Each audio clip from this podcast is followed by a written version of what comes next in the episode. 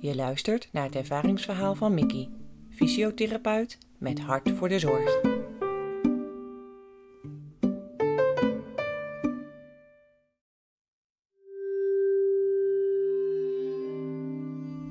Mientje is een uh, klein vrouwtje uit Rotterdam met een mooi rollend accent. Mooi gewatergolfde haartjes. Um, heeft de deur altijd open voor iedereen. Iedereen is welkom. Ze luistert naar je, ze veroordeelt niemand. En ik behandel haar al meer dan tien jaar.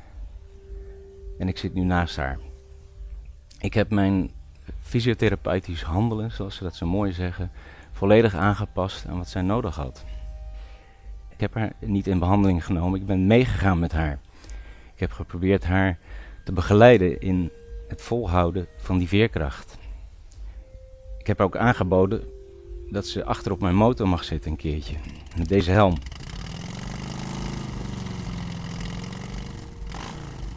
Daar hebben we een foto van gemaakt. Die uh, pronkt nu voor de tv. De meest prominente van alle familie en alles. Zij wilde hem per se voor de tv hebben. En nu ligt ze daar.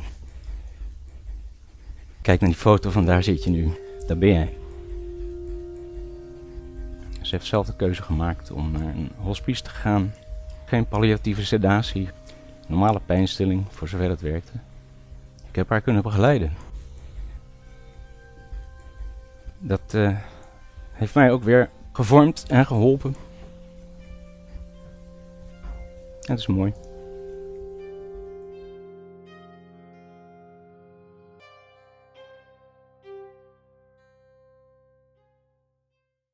De serie Niet zozeer van zorgdragers bestaat uit meer mooie verhalen.